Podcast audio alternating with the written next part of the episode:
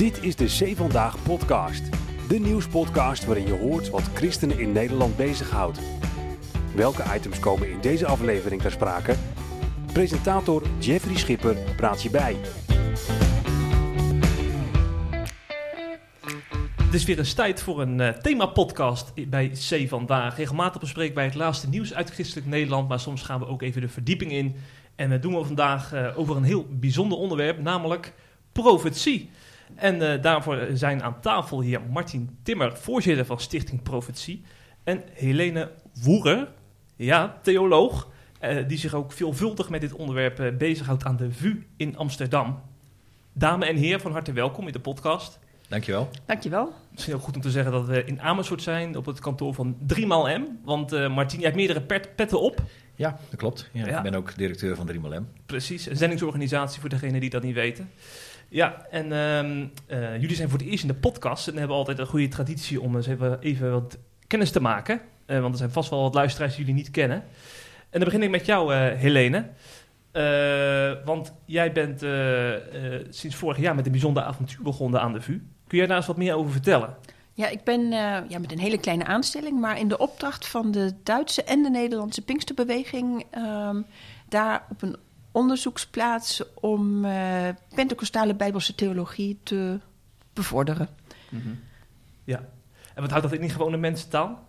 Uh, in mensentaal houdt het in dat ik uh, um, ja, met, met mijn collega's in gesprek ga en daarbij um, de vraagstukken die die bij, bij mij opkomen of bij ons opkomen als we met uh, het Nieuw Testament bezig gaan, uh, ja, vanuit ons, onze geloofservaring uh, bespreek en discussieer.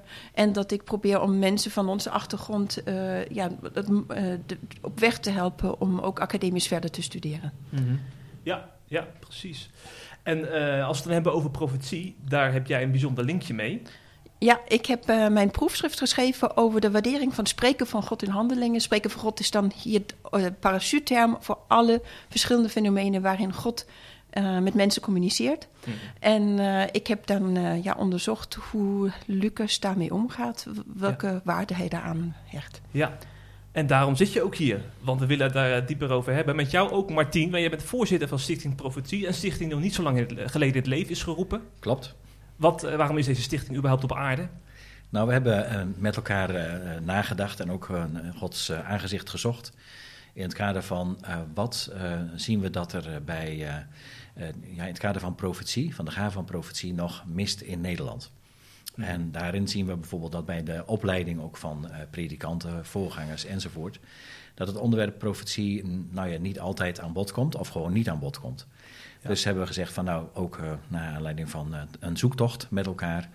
Uh, het zou goed zijn als het onderdeel profetie ook onderdeel zou worden van de opleiding van predikanten en dominees en van voorgangers. Mm -hmm. Zodat het spreken van God een vanzelfsprekendheid gaat worden in het leven van de mensen. Ja. Maar ook een inbedding krijgt in het gemeenteleven. Ja, ja.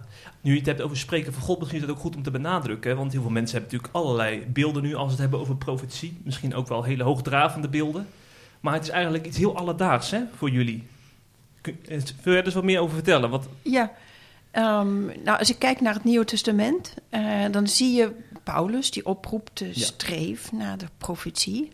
Uh, waar hij gewoon zijn lezers aanspreekt en duidelijk is dat hij daar iedereen op het oog heeft. Dus dat in zijn perceptie voor iedereen blijkbaar een mogelijkheid is en zelfs een wens moet zijn om ernaar te jagen. Um, en je ziet in handelingen ja, gewoon een, een, een hele alledaagse, vanzelfsprekende omgang van mensen met dat ze de Heilige Geest horen en verstaan. En in gesprek met elkaar ook van elkaar aannemen dat ze de Heilige Geest hebben kunnen verstaan. En um, ja, dat hoorde dus blijkbaar in, ja, in de schets van Lucas, van de vroege kerk, gewoon bij het leven. Dus dat is de ene kant van profetie. En dan zie je natuurlijk ook nog openbaringen met een. Uh, uh, ja, wat, wat veel mensen, denk ik, um, associëren met profetie. Iets wat de toekomst wijst, raadselachtig, moeilijk te verstaan. We noemen dat de apocalyptiek. Mm. Um, um, maar dat is niet de enige vorm van profetie. In, ja. uh, bij Lucas en in Handelingen zie je dus ook ja, iets veel alledaagse. Wat God zegt zijn hele praktische, kleine opdrachten, kleine dingetjes. En uh, dat denken wij, zijn we overtuigd dat God vandaag de dag nog op die manier met ons communiceert. En eh, dat, dat voor ons ook geldt wat Paulus zei: van streven naar, jagen naar. Probeer dat te, te grijpen, te leren. Ja, ja. Is het voor jou herkenbaar, Martien, dat mensen toch al gauw eh, te hoge verwachtingen hebben van profetie en misschien eh, de drempel veel te hoog ligt? Daarom? Ja, ja, dat denk ik eigenlijk wel. Het is een, eh, ik denk dat heel veel mensen ook wel, wel zich uitstrekken naar van ik zou ehm, wel iets meer van God willen ervaren, bijvoorbeeld. Weet je? Dat is best een groot verlangen Ja. om dat ook ehm, ja, toch ook dan eh, in het eigen leven mee te maken. Ehm, en ik denk dat het luisteren naar Gods stem daar juist een heel mooi onderdeel van is. Ook in, die, in de dagelijkse prakti- praktijk, de, de, de kleinere dingen enzovoort, die eh, een aanwijzing kunnen zijn om eh, van betekenis te zijn in Gods koninkrijk. Mhm, mhm. En dat, eh, maar dat sluit zeker niet uit dat er ook grotere dingen zijn. Weet je, die ook eh, aanwijzingen richtinggevend kunnen zijn in- je leven. Eh, eventueel ook, ook voor anderen of wat dan ook. Weet je, dat je zegt van daar zitten toch wel mooie elementen in. Waarbij je dan mag weten dat het leven met God heel avontuurlijk wordt. Mhm.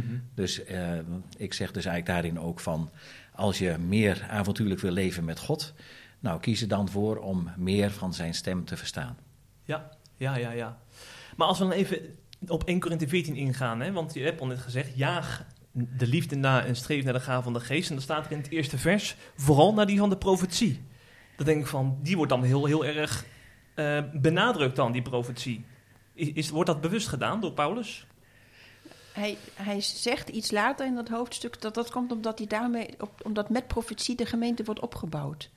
Ja, ja. Eh, dus die, die uitleg zie ik in die context. Hm. Ehm, ja, Ja, Dat- nou, Het is een soort fundament van de gemeente eigenlijk dan. ja maar misschien is, is het ook wel. En, en, je, hebt- je denkt natuurlijk na over zo'n tekst, dat Ja. is duidelijk, weet je, als je met dit, dit domein bezig bent. Maar misschien ook wel dat je zegt van als je leert om eh, eh, na de profetie na te jagen, dat je daarin ook ziet van daar kan, kunnen zich veel meer dingen ook ontvouwen. Hm. Daarna, weet je, ook in de andere gaven zelfs. Ik denk dat dat ook een reden mag zijn dat Paulus dat gezegd heeft. Streef eerst deze na en dan kun je ook nog weer die toepassen in de andere gaven.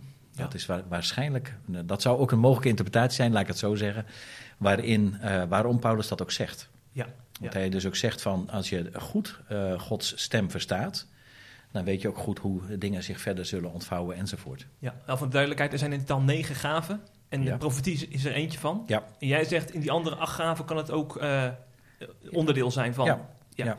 ja, precies. Dat Eh, kan. Maar dat is een ja. interpretatie, Ja? zeg ik, hè, natuurlijk, voor Ja? de helderheid. Zeker, zeker. Ja. Niemand heeft de waarheid in pacht hè, in, eh, hier aan tafel. Maar het is mooi om dat zo te verkennen. Ehm, eh, maar ik, ik weet niet of jullie wat, daar wel mee kunnen, maar ik heb altijd wel het beeld van de gereedschapskist meegekregen. Dus iedere christen heeft een gereedschapskist bij zich. En op, soms kan er een moment zijn dat de Heilige Geest daar, de profetie uit die gereedschapskist haalt. En dat het dan van toepassing is op een situatie. Is dat iets wat, wat jullie. Is het nieuw voor jullie of is het eh, herkenbaar? ik ken dat beeld niet, want ik, voor mij gaat het een beetje door elkaar heen. Is het de gereedschapskist van de Heilige Geest die hij soms aan jou geeft? Of is het iets wat de mens eh, dan pakt? Ja, dit is de, de van de Heilige Geest. Ja, en Ah, zitten er alle gaven zitten erin. Ja. En eh, ja, het gereedschap, dat komt natuurlijk pas aan bod als je het nodig hebt. Dus als Ja. er iets gerepareerd moet worden of als er... en dat heb je natuurlijk ook wel eens in, gewoon in, in het gemeenteleven. Eh, iemand heeft bijvoorbeeld een, een, een gebroken relatie of een, een slechte relatie. En dan kan iemand eh, in de geest duidelijk maken van... je hebt dit, dit en dit nodig om dat te repareren.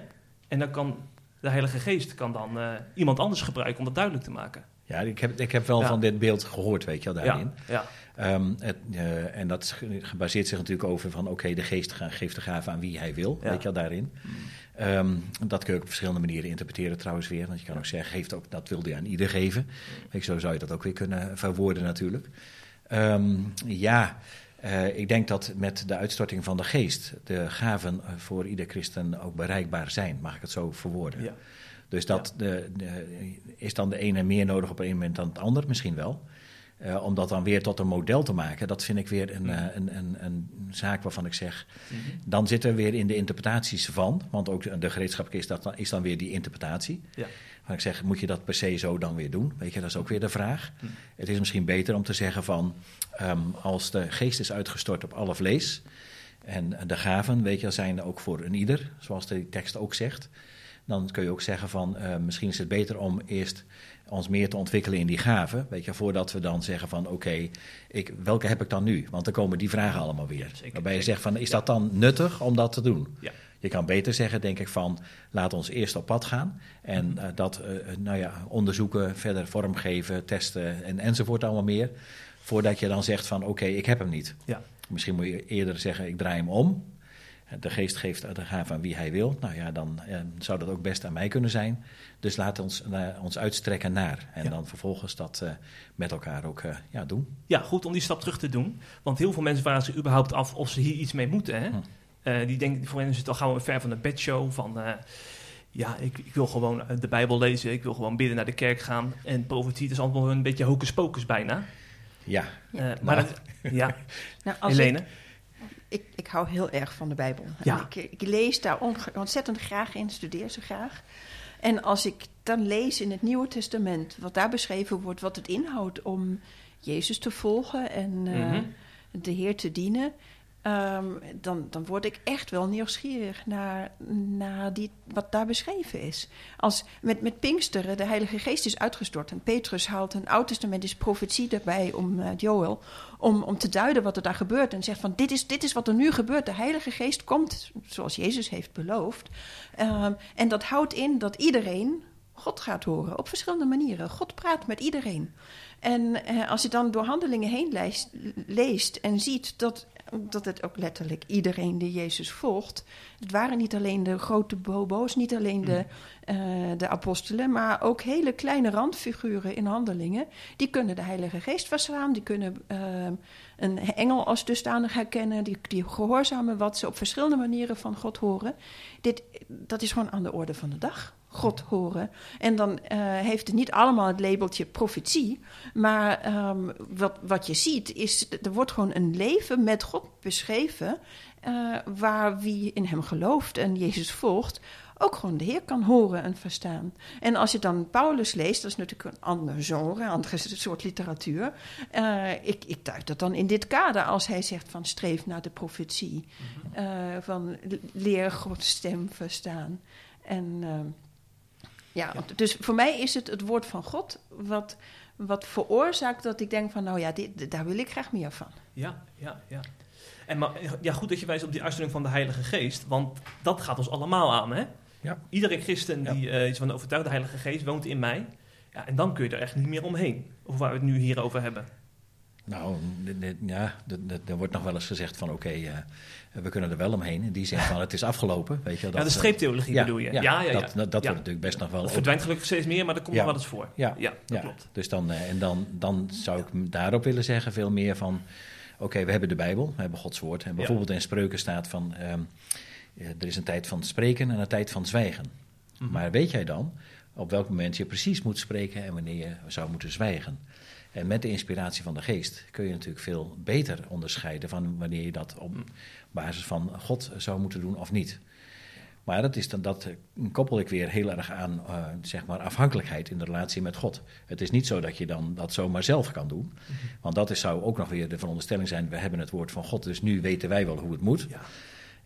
Dat, dat zou ook een eigenwijze stelling kunnen zijn. Mm-hmm. Je zou ook kunnen zeggen, maar als je werkelijk afhankelijk wilt zijn, zijn van God, dan wil je ook afhankelijk zijn van wat Hij op dat moment tegen jou zegt. Ja. Ook al heb je dan het woord, oké, okay, het is een tijd van spreken en een tijd van zwijgen. Dan nog is het zo dat je zegt van wanneer dan? En nou ja, als je dan in, in, vanuit die richting kijkt, dan is er bijvoorbeeld uh, dominee Geuze geweest, die ook uh, al lang geleden een boek geschreven heeft, al bijna twintig jaar geleden. Profetie uh, onmisbaar voor de christelijke gemeente. Uit de, uh, ook wel deze richting, zeg ik dan. Mm-hmm. Waarbij hij duidelijk aangeeft dat dit uh, spreken van God essentieel is in het leven van ieder christen. Ja. en ook voor vandaag. Ja, en dat woord en geest dus geen tegenstelling is. Want zitten bij sommigen zitten er zo diep in, hè, van we hebben toch aan het woord genoeg, hoor ik dan. Hoor je, hoor je dat ook wel eens in de theologenwereld, Helene? Um, volgens mij is deze uitspraak komt die meer uit het uh, gelovige wereld. En natuurlijk heb je daar ook theologen, maar dat, dat zijn niet termen waarin je dan nee. aan de universiteit met elkaar discussieert. Nee. Dus ook, ja. nee. Maar uh, los van de universiteit, is het herkenbaar? Hoor je dat wel eens terug in je omgeving? Dat mensen zeggen, we hebben toch aan het woord genoeg, ik hoef niks met die profetie. Hoor je, hoor je dat ja, wel? Ja. Ja, eh, ik wel, maar oké, ja, ik weet niet. eh. Ja, ik ben even benieuwd of je dat ook herkent. Ik, ja, ik herken het wel, Ja. maar het wordt tegen mij iets minder gezegd. Oh ja, ja. Kijk, ja, ja, ja, dat is interessant. Ze durven niet meer. Ja, ja. Ja, ja. Nee. Maar, Maar, maar dat, is, dat is wel een dingetje, hè? ja, Dat is wel een dingetje. Ja, het, is, het, is, eh, het heeft ook denk ik eh, te maken met het feit dat de, nou ja, de uitleg ook heel lang door eh, nou ja, priesters en dominees later weet je al gedaan werd. Ja. En die werden toch wel als de nou ja, vertegenwoordigers gezien die dat goed konden Mm. of kunnen. En dat is ook zo, zeg ik, weet je wel. Maar de vraag is wel of je daarmee niet een, een stuk laat liggen, weet je, wat in de vroege kerk ook zonder meer aanwezig was. Vroege kerk als tussen 100 en 300. Ja. Eh 0 en 300 moet ik zeggen. Waarbij je dus ziet dat profetie in die vroege christelijke gemeentes zeker eh, een rol speelde. Niet alleen bij de tijd van de apostelen, maar ook daarna. En dat is gewoon ook beschreven, wetenschappelijk gedocumenteerd enzovoort, allemaal meer. Dus wat dat Op, op betreft. welke manier speelde het een rol? Kun je dat eens concreet maken? Nou, dat, dat waar wij nu over spreken, over de praktische vorm van, van, het, eh, van het spreken van God, dat dat ook toen een, eh, een compleet onderdeel was van die, hele, Ja, ja. Van die vroege gemeente. Ja. Ja, ik kan de verwijzing doen, weet je, van eh, professor Alan Kreider, The Patient Ferment of the Early Church. Dus het, Mhm. Het, eh, zeg maar de, de, het geduldige zuurdesem van de vroege kerk, als ik hem even vertaal. Ja, dus het onderdeel van het DNA Ja. van de gemeente. Ja, ja, het, was, het was zo gebruikelijk Mm. dat men dat toen op dat moment deed. Dat je zegt van ja, ja, dan kun je natuurlijk zeggen de streep kan pas na 300 jaar. Dat zou je kunnen beweren. Maar goed, dat is dan maar net waar je de streep legt ook weer. Ja, ja. Dus in dat opzicht zeg ik ook van de- het voorbeeld wat de vroege gemeente gaf, is de- dat we eh, in deze alledaagsheid van het verstaan van Gods stem en daarnaar handelen, dat dat de gewoonte was. De, de, de praxis die de, de gemeente toen had. ja. Ze hadden toen geen podcast nodig met mensen die gingen uitleggen hoe belangrijk het was. Het was gewoon, het was gewoon onderdeel van. Ja, Ja, Ja. Nou, ze hadden wel blijkbaar Paulus nodig die zei, ja, ja ga naar. Ja, dat, ja. Ja, om te zeggen van nou, dit is een heel belangrijk nou ja, onderdeel van het geloofsleven.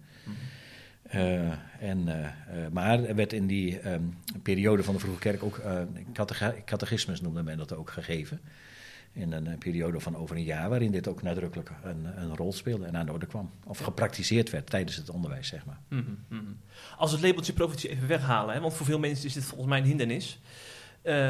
Kunnen we dan gewoon zeggen van, eh, ik moet er, zitten heel, in heel veel mensen zitten heel veel eh, zeg maar, kerkgaande mensen die heel erg betrokken zijn met zieken. Hè? En die schrijven dan kaartjes van, eh, en die geven daar een bijbeltekst, die hangen daar een bijbeltekst aan op. En die sturen dat kaartje vol of een bos bloemen. En dan wordt heel vaak gezegd van, ja, dat, wordt, is gewoon, ja, dat, doen- ze gewoon omdat ze, omdat ze lief willen zijn voor de gemeenteleden. Maar dat kun je misschien ook toch wel luisteren naar Gods stem noemen. Als je denkt van, ik, wil, ik moet die persoon nu een bloemetje of een kaartje sturen. Is dit wat we met alledaags bedoelen? Ja, en Ja. dat is hoe ik ook probeer in mijn gemeente dat, eh, de gemeenteleden aan te leren. Als je zo'n ingeving hebt van, moet ik misschien mijn buurvrouw een bloemetje brengen? Ga erop in, neem het aan als van de Heer. Als je weet dat het niemand schade kan veroorzaken, dan doe het gewoon. En door het gehoorzamen, dan is er wel kans dat je leert die stem beter te verstaan en beter te herkennen. Ja, ja, ja, precies. Want ik denk dat het daar vaak misgaat, do- door het labeltje. En dan vergeet je dat dit ook gewoon luisteren naar Gods stem is. Hè? Die hele gewone kleine dingen. Ja. Ja, En dan werkt het ook echt wel vaak zo dat God eh, op dat soort manieren eh, een Bijbelvers in herinnering roept. Of je Oh ja. tussen haakjes toevallig nou precies die Bijbelvers laat kiezen die heel veel betekent voor degene. Hm. Dat soort verhalen kennen jullie allemaal. Nou, ik zie hier echt wel Gods hand in. En daar hebben mensen misschien zonder dat ze door hadden wel goed geluisterd naar de Heilige Geest. Hm. Ja. Ja, het is in, in aansluiting zeg ik ook daarop van, het is denk ik heel goed om afgestemd te blijven op de geest. En, eh, soms eh, wordt dat ook weer vergeestelijk, weet je. Dat is weer de andere kant van het verhaal ook weer. Ehm, en als het niet eh, ja, schade doet, vooral doen. Ik denk ook mm, met Helene, het is goed om ook langzamerhand steeds beter te onderscheiden wat komt van mijzelf en wat komt van God. Dat is wel een, een belangrijk ding om een groeiproces mee voor jezelf door te maken. Om gewoon nog meer nou, duidelijk voor jezelf te krijgen. Ik ben nu bezig om wel met hem te handelen, zeg maar. Want we hebben eerder al een interview gehad, Martien, eh, eh, in het kader van Stichting Profetie, hè, eerder Ja. dit jaar. En toen heb jij gezegd dat het belangrijk is dat profetie op een gezonde manier wordt beoefend. Dus Ja. blijkbaar is er ook een ongezonde manier om ermee om te gaan. Ja. Zoals? Heb je daar een voorbeeld bij? Nou, dat, er dus, de, dat mensen aan de haal gaan met wat zij zelf Ja. eh, vinden of menen te weten. En dan ook gewoon gaan galopperen, zeg ik even, zonder dat er enige correctie mogelijk, mogelijk is. Of omdat zij zich zien als de, de gezalfde van God. En eh, dan op die manier, eh, nou ja, zonder enige eh, koerswijziging daarmee doorgaan. Ook al wordt het gebleken onjuist. Ja. ja. Je hoort nog wel eens in de wandelgangen, God heeft tegen dit en dit tegen mij gezegd dat je dat en dat moet doen. Ja. En dat, ja, dat is bijna manipulerend voor mijn idee, maar dat gebeurt nog wel eens, hè? ja, dat gebeurt zeker wel Ja. eens, ja. Ja, Ja, ja. absoluut. En als je kijkt naar handelingen, dan is dat nou juist een vorm van profetie die je daar helemaal niet tegenkomt. Het Mhm. hele boek handelingen niet. Het zit barstens vol van verhalen waar God met mensen spreekt. Maar je komt het niet tegen dat één iemand ontvangt wat de ander moet doen. Dus een profetie in de zin van God zegt tegen mij wat jij moet doen, zie je niet. Altijd is degene eh, die to- tot handeling is opgeroepen actief betrokken. Bijvoorbeeld de, de nachtelijke visioen van eh, eh, Paulus, die hem uiteindelijk leidt richting eh, Europa. Ehm, dan, daar staat erbij, en wij gingen dan samen overleggen en kwamen tot de conclusie: ten eerste dat kwam van God, ten tweede, God roept ons om daar, daarheen te gaan. Eh, dat betekent, Lucas maakt er echt wel werk van om duidelijk te maken: God spreekt tot iedereen persoonlijk. En zelfs eh, situaties die zich ertoe zouden lenen om een, een grote profeet te laten zeggen van jullie moeten dit en dat doen, gebeurt dat niet. Ook Agabus die vertelt over een hongersnood, zegt niet mensen er komt een hongersnood, eh, dus jullie moeten. Nee, hij zegt alleen maar in de geest, er komt een hongersnood en de aanwezige discipelen luisteren ernaar en komen zelf tot een conclusie, oh als het zo zit, dan willen wij wel geld inzamelen. En eh, dus wat ik al zei, in, in handelingen, het programma van God ge- geeft zijn geest aan iedereen. En iedereen hoort Gods stem. Dat heeft Lucas echt al door zijn hele verhaal heen getrokken. Dat is wat we zien. En daarom, eh, jij vroeg net aan Martien, wat vind je gevaarlijke eh, profetie of uitoefening van profetie? Mhm. Ik krijg een beetje problemen of buikpijn in situaties waar mensen in plaats van uh, willen leren of kunnen leren om zelf Gods stem te verstaan, verwachten op het woord van de man van God of zo. Dus Ja. Ja. dat soort um, Nou ja. situaties. Het bestaat wel. Er zijn mensen met een bijzondere profetische gave. En dat heb ik ook wel ervaren. Dat me iemand mij helemaal raak iets van de Heer kon zeggen. Uh, maar het moet wel ingebed zijn in een kader, zoals Lucas dat schetst, of dat, dat ook Paulus voor ogen heeft, dat iedereen die Jezus volgt, die kan zijn stem verstaan. Ja, ja. Nou, er zijn verhalen. Ik weet even niet meer hoe die man heet, maar er was een evangelist in Nigeria. En er gingen duizenden christenen o- over, uit Europa, uit Amerika, gingen naar Nigeria toe, omdat die man een profetisch, profetisch woord voor hen had. Dan denk ik van, zo is het toch niet bedoeld? Dat je daar helemaal, dan moet je een vliegtuigticket kopen naar Schiphol om, om Gods stem te verstaan in Nigeria. Wel verdrietig als het nodig is. Ja. Ik zou veel meer inzetten op iedereen streven naar de profetie. Gewoon in je eigen omgeving. Ja. Ja, en, en nog, een- weet je, ook daarin zeg je weer van, ook al zou eh, iemand dat profetisch tegen jou zeggen, Ja. jij blijft als eh, christen altijd zelf verantwoordelijk ten opzichte van God wat jij doet. Dat is ook een belangrijk Ja. punt nog weer, denk ik. Weet je, dat het zo Ja. is, dat ook al zegt nog zo'n grote profeet tegen jou A, B of C, dan nog is het zo dat jij, eh, je moet denk ik dan altijd eh, eerst en, eh, weer naar God terug van, is dat werkelijk wat u bedoelt? Dat hij dat ook wel aan jou bevestigt, of dat anderen in jouw omgeving dat bevestigen. Zeker als het grote dingen zijn, dan moet je niet zomaar zeggen van, de profeet zegt dus ik ga dat nu doen. Hm. Ehm, dus het is een, een, een zaak dat je daarin ook de verantwoordelijkheid die ieder zelf heeft ten opzichte van God niet weg moet halen, maar juist moet laten staan.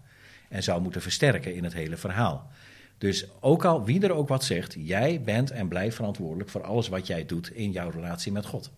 En zo is het natuurlijk altijd bedoeld geweest. Die geest is voor iedereen uitgestort en heeft met iedereen connecties. Ja. Dus het is ook zo dat dat, eh, dat, dat ook blijft bestaan. Anders zou je haast zeggen: ik verleg de, de, de zaak van de Heilige Geest naar een persoon. En die gaat dan namens God spreken. Dat is een grote verleiding die wij altijd gehad hebben.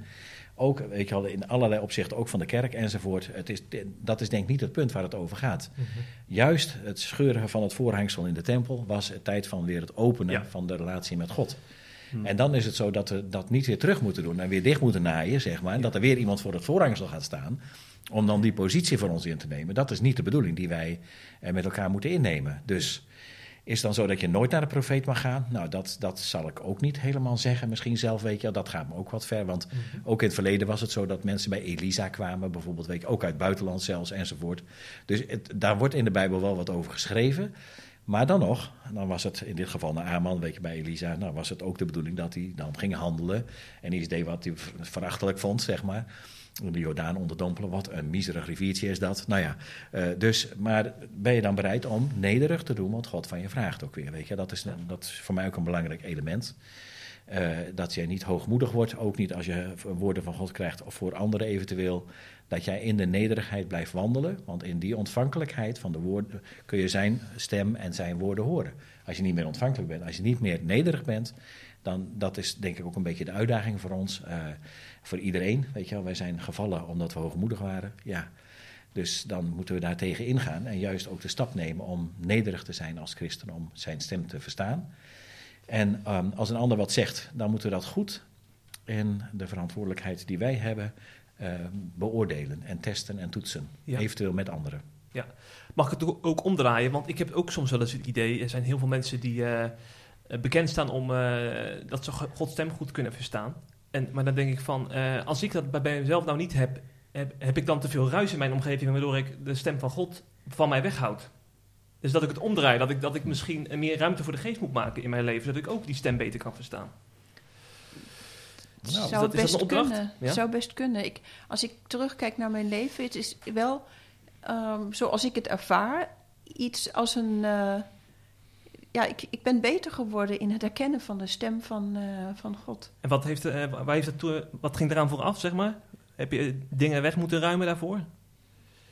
Um, er zijn ook dingen geweest waar ik weg moet moest ruimen. Mm. Eigenlijk uh, altijd gehoorzaam reageren op hetgene waarvan ik weet dat God van, van me vraagt. En dat is okay. meestal bij het lezen van Gods woord natuurlijk. Mm. Um, uh, ja, gewoon ja, gehoorzaam wandelen met de Heer. Ja, ja. En, ja. ja. en daardoor ging jij Gods stem beter verstaan. Dat is wat jij zegt. Ik denk dat dat absoluut een voor, voorwaarde is. Um, voor mij was het een, ja, ik heb een, een, een ja, belangrijke ervaring gehad. Um, ik, ik, was een beetje opgegroeid, uh, ja, in, eerst in uh, wat, wat, hier een PKN-kerk zou zijn, later als tiener dan uh, in, in, vrij zwevend charismatische kringen. En toen had ik geleerd dat je herkent dat het van God kan zijn en niet van jezelf. Als het kennis inhoudt die je zelf niet kunt hebben. Of als je het niet kunt verklaren met je eigen gevoelens of uh, je eigen gedachten. Dus dat was eigenlijk mijn filter. Hoe herken ik dat iets Gods stem is? En toen ging ik uh, handelingen goed bestuderen. En zag ik dat uh, bij Petrus blijkbaar God juist aanknoopte bij hoe hij zich voelde toen daar op. Dat hij honger had. En dan zag hij dus uh, allemaal uh, onreine dieren, die juist aanknoopten bij hoe, hoe zich voer. En dat, deed, dat opende voor mij de, mogelijk, de denkbare mogelijkheid om dat de schot blijkbaar aanknoopt bij hoe ik me voel. Uh, om mij iets te zeggen. En dat was, dat, juist in die tijd gebeurde er iets dat iemand bij ons uit de gemeente. En die had financiële problemen. En omdat zij altijd heel veel geeft aan iedereen, dachten, hebben wij ook heel graag geholpen. En zij had een veel te hoge rekening, factuur gekregen voor gas en licht. En ze kwam echt in tranen bij mij en ik heb echt alles gedaan. En ik, ik ja, ik, ik, weet er niet meer verder. Normaal gesproken zou ik hebben gezegd van... Uh, uh, kom, op welk bedrag gaat het, we helpen wel. Uh, maar dit keer schoot door mijn hoofd van je mag haar geen geld geven. Ja, ja. En um, uh, normaal gesproken had ik dat weggefilterd. Zo van, uh, ik wil op mijn eigen centjes uh, zitten. maar, en, en de gedachte van, die kan niet van de geest zijn. Maar in dat kader dacht ik, ja, ik, ik, die, die, de, deze, deze soort van gedachten leek ik wel te herkennen. En het bleef gewoon zo, je mag haar geen geld geven, je moet haar anders helpen. Ja. Dus ik ben met haar meegegaan, ben haar kruipruimte ingekropen, heb... Uh, haar meter afgelezen. En uiteindelijk, wat erbij voortkwam, is dat er jaren eerder een leesfout was gebeurd. Die werd gecorrigeerd en in plaats van 500 euro te moeten bijbetalen, kreeg ze 5000 euro terug.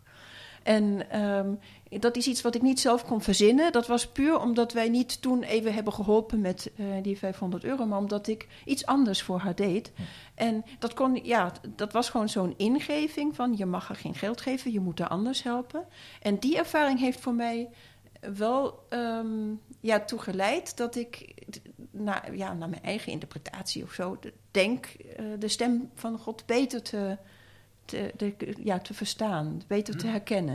Het verschil tussen wanneer schieten mijn eigen gedachten door mijn hoofd en wanneer is het een ingeving van de Heilige Geest. Ja, Ja, want dat is voor veel mensen is dat een uitdaging hè, Ja. om dat onderscheid te maken. Ja, toch zegt Jezus natuurlijk, met de schapen kennen mijn stem. Dus wat betekent dat dan? Hm. Weet je, dat is dan eigenlijk de, het antwoord wat ik daarop zou willen geven. We, ze- we, we hebben natuurlijk gesproken, oké, de geest die is uitgestort nu op alle vlees. Dus iedereen kan eh, zeg maar ver- verbinding maken met de geest. Ja. Dus er is een mogelijkheid. Maar ik denk dat, het, ehm, heel, ehm, dat er weinig voorbeelden zijn vaak voor mensen in hun omgeving. Hoe dat op eh, die gezonde manier ook kan en weet je hoe dat gaat. En wat Helene nu net deelt is natuurlijk een heel mooi voorbeeld van een geweldige nou ja, winsten die die mevrouw dan gekregen heeft. Doordat je daar wel naar geluisterd hebt. En dat zijn van die ehm, zaken dat je zegt van, men weet ook niet wat men daar zich bij moet voorstellen. Men, er wordt heel weinig over gesproken. En dat is nou net waarvan we zeggen, daar zouden we wat meer aan willen gaan doen. Weet je, dat het dus gewoner wordt en dat je dus ook onderwijs geeft over hoe werkt dat nou? Hoe zit dat nu? En, en eh, dat het ook een onderdeel wordt van nou ja, de, de opleidingen eh, voor dominees, predikanten en voorgangers die dat dan ook weer verder gaan doorgeven naar anderen toe. Waarmee dat dus een eh, olievlekwerking zou, hopelijk zou kunnen worden in, in Nederland en wellicht ook daarbuiten. Dat je zegt van laten we ook met elkaar hier open voor staan. En dat ook niet meer eh, misschien als moeilijk betitelen, maar meer zeggen van hoe kunnen we dat nou gewoon goed doen met elkaar. Mhm, mhm. Ja, Dus in, in plaats van, want anders werp je een drempel op. Hè? Dit, dit, dit is, eh, ik weet niet hoe dat moet en dat soort van zaken. Maar we dat even terzijde schuiven en juist zeggen van laten we kijken hoe we dat wel kunnen doen en hoe dat dan werkt. En hoe we dat ook kunnen beoordelen met elkaar. ja, ja, ja. Je hebt, jullie eh, richten er onder andere op de universiteiten, hè? Ja. Eh, maar je hebt ook in ons interview gezegd eh, dat het heel goed zou zijn om het in te bedden in het gemeenteleven. Hè? Ja. Eh, Ja. Want sommige mensen zijn op individueel niveau best wel actief. Die volgen bijvoorbeeld een online cursus over profetie of zo. Maar het is heel belangrijk om je ook te omringen met christenen die misschien wel daarin ook kunnen sturen, kunnen begeleiden. Ja. Waarom is dat zo belangrijk? Nou, ik denk dat, dat eh, Paulus ook juist spreekt in het kader van de gemeente. Als hij spreekt in 1 Korinthe 14, dan is dat de, de context waar hij dat allemaal ook benoemt. Dus het is voor, niet alleen voor die persoon belangrijk, maar ook voor de hele gemeente. Maar ook dat je juist met als gemeente heb je eh, eh, meer mensen die ook Gods stem verstaan. En, en nou, zoals ik al zei, we zijn door hoogmoed gevallen.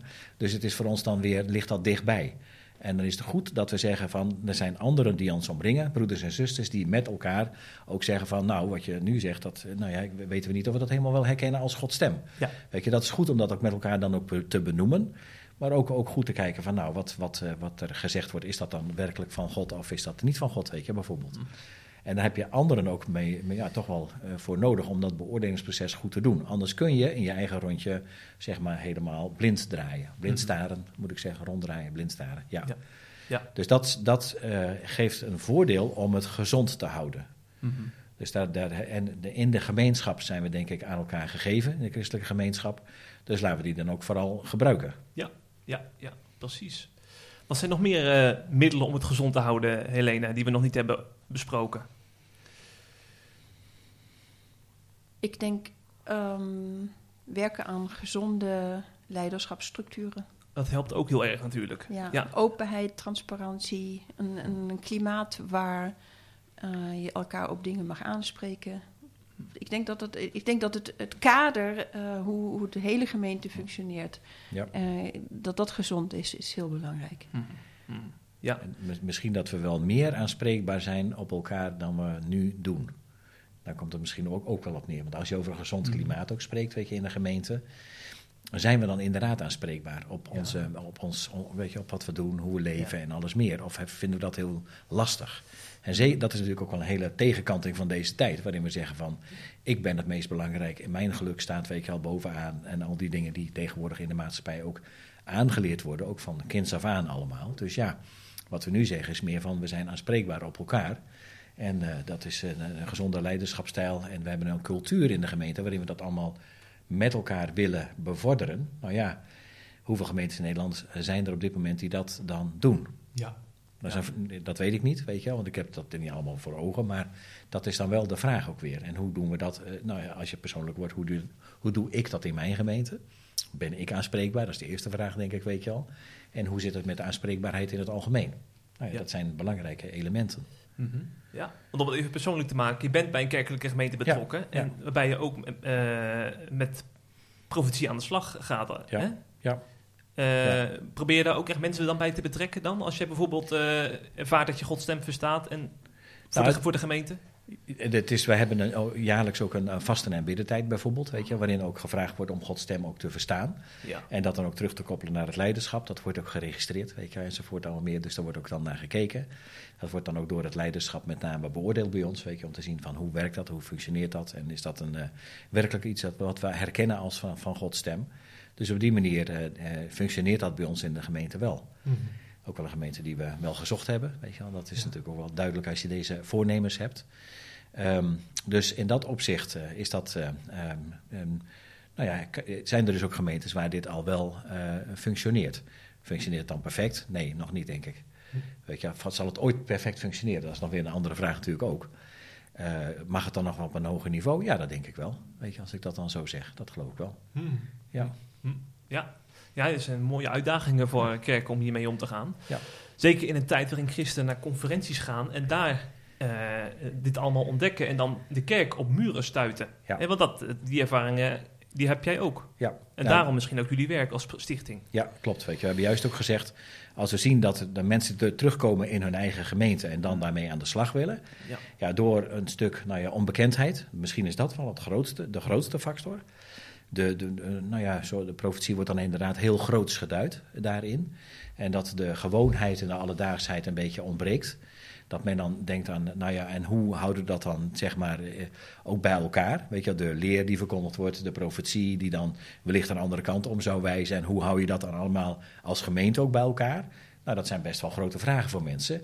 Die dan meer vanuit veronderstellingen en aannames komen dan dat het eh, komt vanuit een werkelijk kennen van deze materie, denk Ja. ik zelf. En dat, als je dat zou kunnen verbeteren, eh, dan zou je een, eh, een mooie doorgroei kunnen krijgen in het kader van profetie, weet je wel, spreken van God en nou ja, het zien van visioenen, het, het zien van, van hem in de natuur, om, om een aantal dingen te, te nemen in, in liederen. Nou, dat kan op allerlei manieren. Hè. Het is niet tot één ding beperkt, maar die dan zich vooral ook wel nou ja, uit in de gemeente als eh, doorwerking, nou ja, voor die gemeente, maar ook wel voor buiten. Weet je, dat je Ja. dus het mag ook naar buiten toe werken dan weer.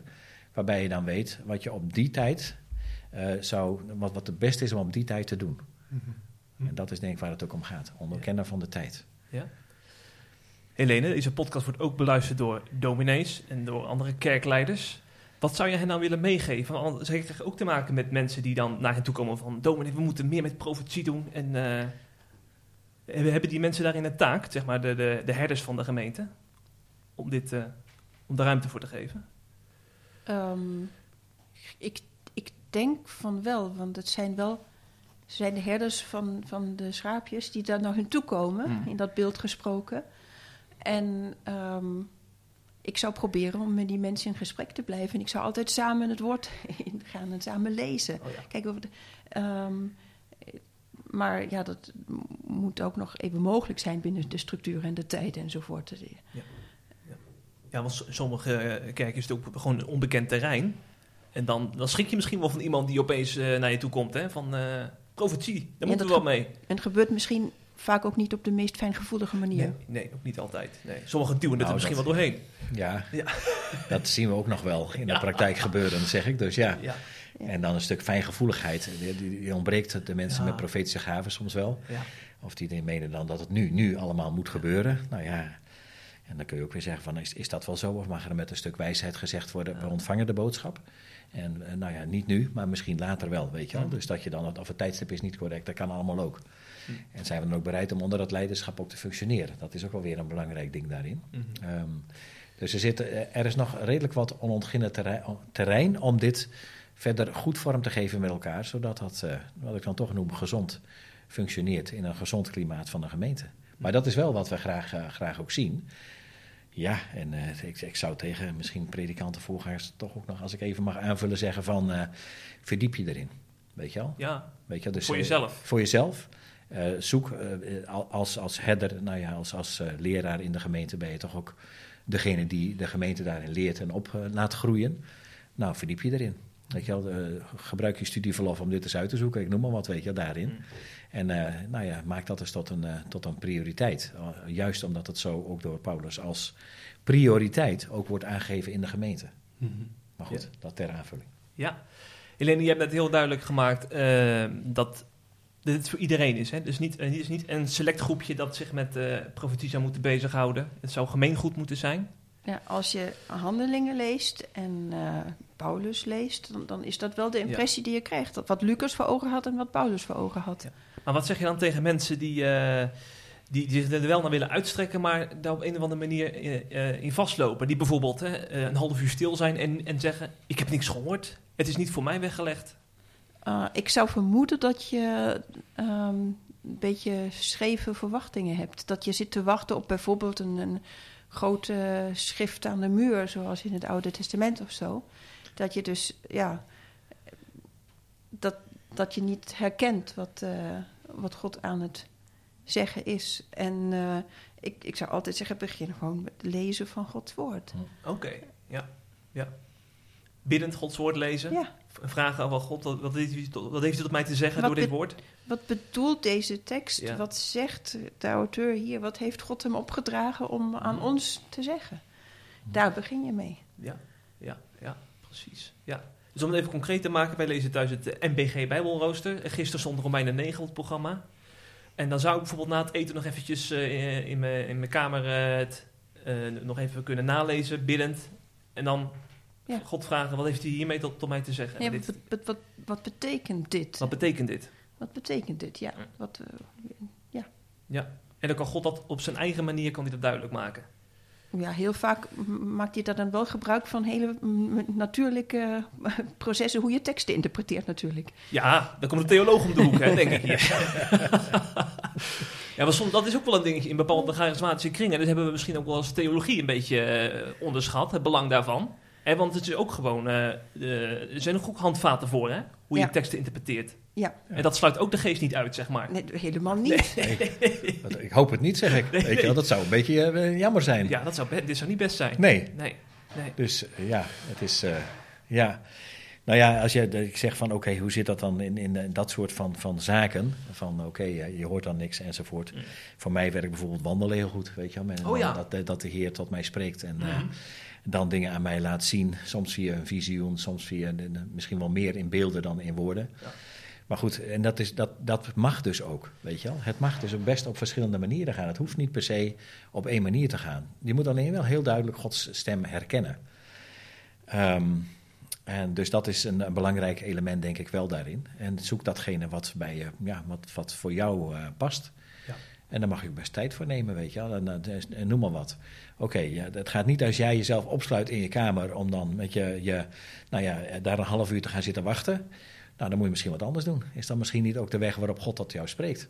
Hm? Uh, weet je, en dan kun je ook zeggen van ik ga een stuk wandelen, ik ga, ik ga iets, uh, ik noem wat, ik ga een schilderij bekijken, weet ik veel wat. Weet je, dus er zijn dus meerdere wegen waarop uh, God kan spreken. En dat kan ook op meerdere manieren voor één persoon. Hè. Laat ik niet zeggen van dit is maar één manier per persoon. Maar er zijn soms wel voorkeuren voor mensen uit naar God toe. Ik denk niet andersom. Ja, Weet je ja. Dus dat is meer het punt. Waarbij je dus zegt, zoek die manier voor jou. Als die manier dan niet werkt, nou, doe dat eens wat anders. Of zoek iets wat je heel graag doet. Dat was in, uh, als ik een voorbeeld geef, weet je, een vriend van mij die zei van... nou, ik, uh, uh, ja, ik, zou, eh, ik, ik sta op tweetal verouderling. En ik zeg, nou, wat, wat doe jij heel graag? Hij zegt, fietsen. Ik zeg, nou, ga jij morgen fietsen? Want er is een week tijd altijd, weet je wel, daarvoor. En nou, dan is het zo dat je dan met God gaat spreken. En dat heeft hij gedaan. En uh, eigenlijk had ik logischerwijs gezegd, nou, misschien maar niet. In de drukte van jouw leven, weet je, Ja, moet je zou dat niet misschien passend zijn Zou misschien niet, niet Mhm. Hij zegt, ik heb heel duidelijk gehoord dat ik het wel moet doen. Aha. Weet je wel, dus dan heeft het gedaan. En hij, hij heeft het heel veel, ja, hij heeft vruchtbaar gedaan, zeg ik dan ook. Ja, ja, nou, dat ja. zijn dan weer mooie dingen waarbij ik zeg, fietsen, ja, nou ja, is weer anders dan op de studeerkamer, maar wel heel mooi. Ja. En dan ben je dus heel dicht bij God. Weet je. Dan zijn mensen aan het groeien ook in geloof. En ook in de relatie met God. Waarbij je vanuit die uh, invloed, nou, sfeer zeg maar, eigenlijk je leeft. Mhm. En dan wordt het leven avontuurlijk. Want eigenlijk is het niet, zo logisch om zo'n keuze te maken in dit geval. Uh, zeg ik zelf, weet je al dan. en toch doe je dan wat God op je hart legt. Mhm. En dan ben, dan ben je heel vruchtbaar. Nou ja, dat is dan toch heel erg mooi in je leven om dat te mogen terugzien. En dat gun ik iedereen, weet je wel, daarin. Maar zoek dan iets Wat jij echt leuk vindt, weet je, om met God te doen, zeg ik dan maar. Of, of wat jij leuk vindt en God komt daarbij. Ja. Zo is het vaak. Ja, je omschrijft het als een avontuur. eh. ja, maar dat is het ook. Is Dat het voor, voor jou herkenbaar, Helene? Het leven met God een avontuur? Ja? Ja, zou ik zo, zo, zeker zo zien. Ja, ja, ja. Dus ook onverwachte dingen die gebeuren. Dat God opeens jou op een bijzondere manier gebruikt die je niet voor ogen had. Dat soort dingen gebeuren bij jou ook? Ja, dat is, ik, ik, ik duid wel mijn ervaringen zo dat ik God daarin zie. Ja, Ja. Mooi is dat eigenlijk, hè? absoluut. Ja, dat is een voorrecht ja, om dat, leven te ja, ervaren. Ja, Zo. dat, dat klopt ook, weet je. Ja. Het, is, het is een... eh, maar soms is het dan ook wel weer zo, ook zelfs het beginnen met deze stichting is niet vanzelfsprekend geweest voor mij. Hm. Weet je, dat je dan ook wel daar even dat, dat daarheen moet, als ik het zo mag noemen. In een proces waarbij je zegt, nou, dit wordt, eh, dit wordt een, eh, een lang proces, denk ik zelf. Het wordt niet een kortdurend verhaal van, dat doen we even. En kennelijk eh, ja, zijn er bij mij lange termijnen waar God, weet je, al tot mij spreekt. En dat komt misschien wel omdat ik een ongeduldig mens ben. Aha. Dus vaak is het zo dat God ook door eh, de hele processen heen werkt aan jouw karakter. Mhm. En dan weer juist daar weer elementen pakt waarvan hij zegt van nou, misschien is het ook wel goed dat dat in het algemeen een beetje bijgeslepen wordt. Ja. En dat, dat, dat, eh, dat te zien. En nou, ik, daar hoop ik dat je dan ook eh, nou, een beter instrument in zijn hand wordt. Want daar leven wij ook voor, weet je, om hem te eren, te prijzen via ons leven. Ehm, en dan, eh, ja, kijk ik. tijdens een periode van, van vasten en bidden, alweer nu zo'n twaalf jaar geleden, kreeg ik Japan in één keer in gedachten gebracht door God. En eh, het zal tien jaar duren. Eh, nou ja, Toen dacht je, daar moet ik heen. Ja, dat, dat, ja. dat heb ik ook gedaan. Weet je. Ik ben daar toen in de tien jaar acht keer geweest. En eh, na tien jaar is het inderdaad, weet je al, voor ons als drie Malem dan gelukt. En dat is natuurlijk niet vanzelfsprekend gegaan. Je hebt een, een bestuur en alles, weet je, enzovoort. En dan deel je dat, maar dan is het niet overstaan gelijk achter je. Meer, Martien, dat is wel heel moeilijk, hè, dat hele terrein. Ja, dat, dat vind ik ook. En ik zei ook eigenlijk na, bij het nadenken van, hmm, ik ben dan, eh, eh, als ik daar naar kijk, we hebben geen contact in Japan. Het is een heel erg duur land waar we andere samenleving dan we normaal werken. En ik ben een ongeduldig mens. Heeft u de goeie? Heb ik even gevraagd, weet je wel daarin. Ja. En toch op pad gegaan. En God heeft dat, dat zo, eh, zeg maar, gedaan. En ook goed laten lopen door bijvoorbeeld een Amerikaanse zakenman de kosten te laten betalen van de reizen, inclusief uren enzovoort. Maar dat is ook weer een bevestiging op het geheel. Waarbij je zegt van nou, dan, dan, en het gaat naar die tien jaar open, nou dan is het een, eh, heel mooi. Als je daar achteraf te, en dat is heel mooi achteraf te vertellen. Eh, De periode van eh, heel onverwacht iets krijgen wat buiten je aandachtsveld is. En dat dan verder eh, moeten vormgeven. Nou ja, dat is in feite hetzelfde als wat eh, ja, Paulus, denk ik, deed toen hij, eh, zoals je eerder aanhaalde, al eh, Helene naar, naar Griekenland moest gaan. En dat hij, hij wilde naar een ander gebied toe. Maar ook hij. Spanje toch, of zo? Nee, nee, nee. Hij wilde toen naar eh, Bithynië, volgens mij. Daar, boven in Turkije, zeg Oh maar. ja, Daar wilde ja, hij ja, ja, naartoe. precies. Ja. Dus daar, daar ging hij al naar, boven en toen is hij naar langs getrokken, weet je al, naar de kust van, van Turkije tegen Griekenland aan. En toen is hij daar geroepen naar, Ja. eh, naar Macedonië. Ja, ja, ja, ja. Dus dat- over en help. Dat ja, gedeelte. dat, dat, Ja. dat gedeelte is het, ja. Ja. Nou ja, en Handelingen dat, 16. ja, ja, nou ja, weet je, dus dat, en daarin zie je dus ook dat het eh, die invloed ook kan hebben in het leven. Dat je er zelf helemaal niet aan denkt en echt andere plannen hebt. Maar ben je dan bereid om op dat moment ook te luisteren en te switchen in jouw leven, weet je, en daar ook ruimte voor te maken en datgene te doen wat God dus nodig vindt. Ja. Nou ja, dat, dat blijft denk ik voor ieder van ons ook weer, weer staan. En ik denk dat je dan, nou ja, dat je dan meer in zijn wil handelt. Mhm. En dan moet je wel kunnen onderscheiden of dat van hem is of niet natuurlijk, want dan moet je wel weten. Heb je ook zo'n kom over en help ervaring? Ik heb ehm, verschillende ervaringen waar ik me geroepen Ja. voel van God. En eentje was voor mij heel sterk de roeping naar de Pinksterkerk. Ah, Ehm, heel veel jaren geleden inmiddels. Er was, ehm, we hadden zo'n bijbelvers in eh, Handelingen. En eh, ik was daar aan het lezen en ik wist plotseling... Een, een deel van die vers, dat geldt nu voor mij. En dat was Paulus die zei van... Ik dien de God van mijn voorvaders op een manier die zij een secte noemen. En ehm, voor mij was dat een, de roeping van... ja, wat ik eigenlijk de hele tijd niet durfde uit zorg mijn ouders niet te willen kwetsen, om dat toch te gehoorzamen en te doen. En me te laten dopen.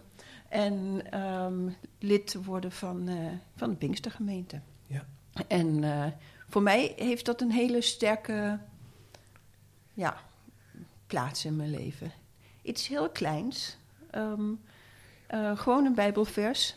Ja. Maar voor mij was dat heel duidelijk. En ik, ik weet daarom waarom ik in deze kerk ben, thuis ben en waarom ik daar dien, de Heer. Hm. Bevo- maar één voorbeeld. Maar God wil jou daar gebruiken, op die plek. Dat denk ik wel Ja. en dat eh, zien anderen denk ik ook. Bijzonder, hè? Ja, ja. Ja. Hey, ik- misschien eh, nog een, eh, ook een leuke ervaring. Ik, eh, ik woon in IJsselstein. En eh, wij werden pas gebeld door een, eh, een vriend van ons, die woont in Waddinxveen. En die kwam opeens eh, met iemand op te proppen die, die heel erg in nood zit. En die ook in IJsselstein woont. En toen moest hij aan eh, mijn vrouw denken, want die is nogal eh pastoraal betrokken in onze kerk en zo. En eh, eh, eigenlijk was een soort van eh, indirect de vraag of, of zij dan een keer met die vrouw contact wilde opnemen. Om, om haar in haar nood dan bij te staan. En dan denk ik, dit is dan ook onderdeel van waar we het over hebben.